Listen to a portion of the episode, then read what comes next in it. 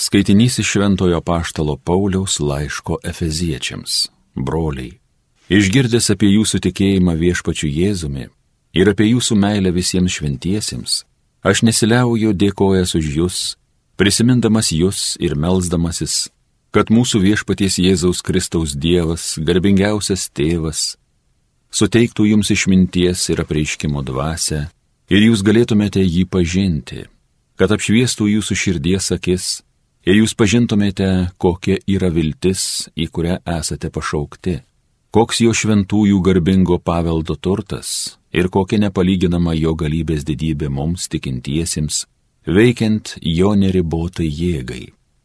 Jie jis prižadino Kristų iš numirusių ir pasodino danguose savo dešinėje, aukščiau už visas kunigaikštystės, valdžias, galybės, viešpatystės ir už kiekvieną vardą, tariama ne tik šiame pasaulyje, bet ir būsimajame.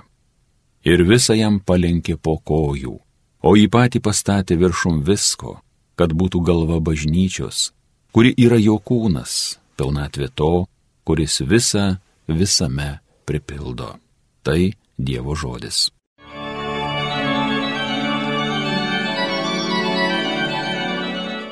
Tavo sūnus viešpatauja tavo rankų sukurtajam pasauliui viešpatie mūsų valdove, koks įstabus tavo vardas pasaulyje, tavo šlovė pranoksta, žvaigždėta įskliauta, ją skelbia lūpos vaikučių, mažutė laičių. Tavo sūnus viešpatauja tavo rankų sukurtajam pasauliui.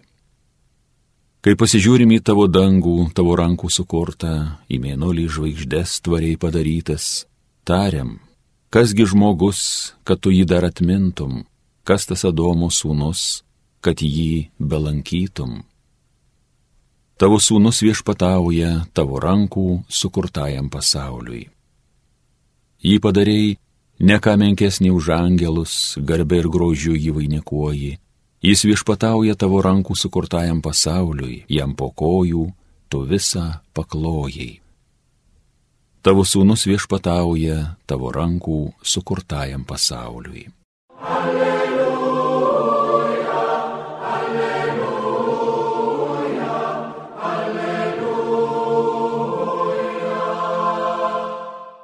Tiesos dvasia toliau liudys apie mane, sako viešpats, ir jūs liudysite. Alleluja, alleluja, alleluja. Pasiklausykite Šventojios Evangelijos pagal Luką. Jėzus kalbėjo savo mokiniams. Aš jums sakau, kas išpažins mane žmonių akivaizdoje, tą ir žmogaus sunus išpažins Dievo angelų akivaizdoje, o kas manęs įsigin žmonių akivaizdoje, to bus įsiginta Dievo angelų akivaizdoje. Kas tartų žodį prie žmogaus sūnų, tam bus atleista, o kas pikdžodžiautų šventai dvasiai, tam nebus atleista.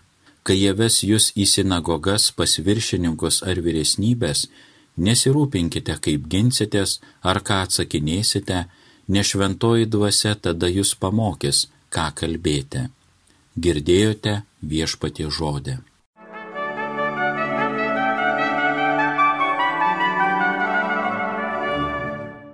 Mėly Marijos radio klausytojai, noriu apmastyti šios dienos labiau ir giliau pirmąjį skaitinį, tai yra apaštalo Pauliaus laišką Efezo bendruomeniai. Ten atsispindi Pauliaus gili, prasminga ir labai reikalinga malda. Tai už bažnyčią. Ir pasižiūrėkime, kodėl Paulius meldžiasi ir prašo Dievo už bažnyčią, kurią jis iš tikro myli ir kurioje šlovinamas Jėzus Kristus. Pirmas dalykas - jis maldauja Dievo duoti bažnyčios nariams išminties dvasę. Norėdamas perteikti išminties reikšmę, Paulius vartoja graikišką žodį Sofija. Ir tai šventajame rašte reiškia, kad Sofija yra gilių Dievo paslapčių išmintis. Norint tai pasiekti, svarbu laikytis tam tikrų sąlygų. Pirmoji - reikia mąstančių žmonių. Vienas mąstytojas pasakė, kadangi batus užsisakau iš batsiuvio, o fraką iš siuvėjo, o religiją gaunu iš kunigo. Daugelis daro tą patį, nes religija neturi prasmės, jeigu jos kiekvienas netranda asmeniškai. Kaip kažkada Platonas yra pasakęs, neapgalvotas gyvenimas yra nevertas gyventi. Ta pati galima pasakyti ir apie tikėjimą, jog neapmastyta religija neturi prasmės. Mąstantis žmogus privalo suvokti ir apmastyti savo kelią pas Dievą. Antra sąlyga - turime turėti tam tikrą teologinį įsilavinimą. Šventasis raštas - tai pagrindinė mūsų tikėjimo knyga. Bet kaip dažnai mes apie tai pamirštame. Švento rašto aiškinimas iš bažnyčios katedros yra pirmoji būtinybė religiniam pažinimui. Tai yra tiek dvasininkai, tiek švento rašto nagrinėtojai, žinovai turėtų žmonėms suprantama kalba padėti suprasti Dievo žodį. Ir buvo paminėta katedra, tai iš tikro senais laikais buvo laikoma kėdė. Kiekvienas profesorius, dėstytojas universitete turėjo savo sostą katedrą. Iš čia popiežiaus viskupų mokiamas sėdint iš kėdės vadinamos katedros. Ir čia yra terminas lotiniškai bažnyčioje popiežius mokina ex katedra. Tai yra iš sosto, kuris teikia autoritetą. Ir trečia sąlyga - turime iš naujo įsisamoninti, apie ką ir kiek laiko skiriame bažnyčios gyvenime. Juk keista, kad parapijos susirinkimuose arba net visuotinės bažnyčios suvažiavimuose, kongresuose daugiau laiko skiriama bažnyčios valdymo klausimams aptarti nei Dievo žodžiai ar jo preikštai tiesai. Toliau Paulius prašo Dievo, kad jis duotų krikščionims apreiškimą jo pažinimui. Krikščioniui labai svarbu gilinti savo žinias ir pasinerti į Dievo malonę. Pavyzdžiui, kiekvienas specialistas žino, kad jam reikia tobulėti. Ne vienas gydytojas baigęs universitetą nepasakys, kad jau galutinai pabaigė mokslus. Jie žino, kad kiekvieną savaitę ir net kasdien atrandame vis nauji gydimo būdai ir metodai. Jei jis nori ir toliau padėti ligonėms bei kenčiantiems, jis turi išlikti besidomintis ir besigilinantis savo profesijos rytyje. Tas pats pasakytina ir apie krikščionės, jo gyvenimui būdingas vis gilesnis ir nuolatinis Dievo pažinimas.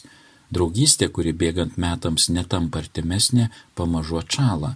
Tas pats pasakytina ir apie mūsų santykius su Dievu. Paulius meldžia Dievą naujo krikščioniškos vilties pažinimo. Galima sakyti, kad mūsų amžiui būdinga neviltis. Iš visų pusių girdisi pesimistų balsai. Dabar labiau nei bet kada žmonėms reikia krikščioniškos vilties žinios. Jeigu krikščioniška žinia yra teisinga, tikra ir autentiška, tai pasaulis eina ne į sunikimą, o į tobulumą.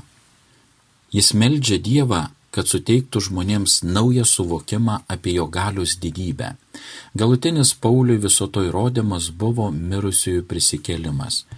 Tai įrodė, kad jokie žmonių veiksmai negali užkirsti kelio Dievo planams. Pasaulyje, kuris atrodo chaotiškas, godžia žinia, kad Dievas vis dėlto jį valdo. Paulius baigė mintimi apie Kristaus pergalę srityje, kuri šiandien mums nėra tokia svarbi. Kaip parašyta šventajame rašte šios dienos laiške, Dievas išaukštino Kristų aukščiau už visas kunigaikštystes, valdžias, galybės, viešpatystės ir už kiekvieną vardą tariama ne tik šiame pasaulyje, bet ir busimajame. Šie terminai reiškia įvairius angelų titulus, tačiau nepaisant to, Kristus yra pranašesnis už bet kurią būtybę tiek danguje, tiek ir žemėje. Iš esmės Paulius meldžiasi, kad žmonės suvoktų Dievo jiems duoto gelbėtojo didybę ir galę. O šios dienos Dievo žodį galima apibendrinti į šiandienos Evangelijos mintimi, kur kalbama apie atlygį už ištikimybę. Atlygis visiškai nematerialus daiktas, nes kol mes gyvename žemėje, mums atrodo, kad atlygis turėtų būti materialus arba žemiškai, žmogiškai dėkojama. Tačiau šis dangiškas atlygis susideda iš to, kad kai mes papulsime į rojo arba į Dievo akivaizdą, Jėzus tars. Gerai, šaunusis ir ištikimasis tarne, eikš į savo šeimininko džiaugsmą. Mėly klausytojai, būkime ištikimi Dievui, būdami artimi jam pačiam, draugystėje, maldoje, sakramentų praktikavime ir kartu visą tai išneškime į pasaulį ir neškime savo pavyzdžių, elgesio, laikyseną, mintėjimo, jog Dievas myli žmogų ir yra Dieve viltis. Ne kaip pasaulis duoda viltį, ne kaip žmogus duoda viltį, bet Dievas, kuri yra amžina ir stiprinanti. Amen.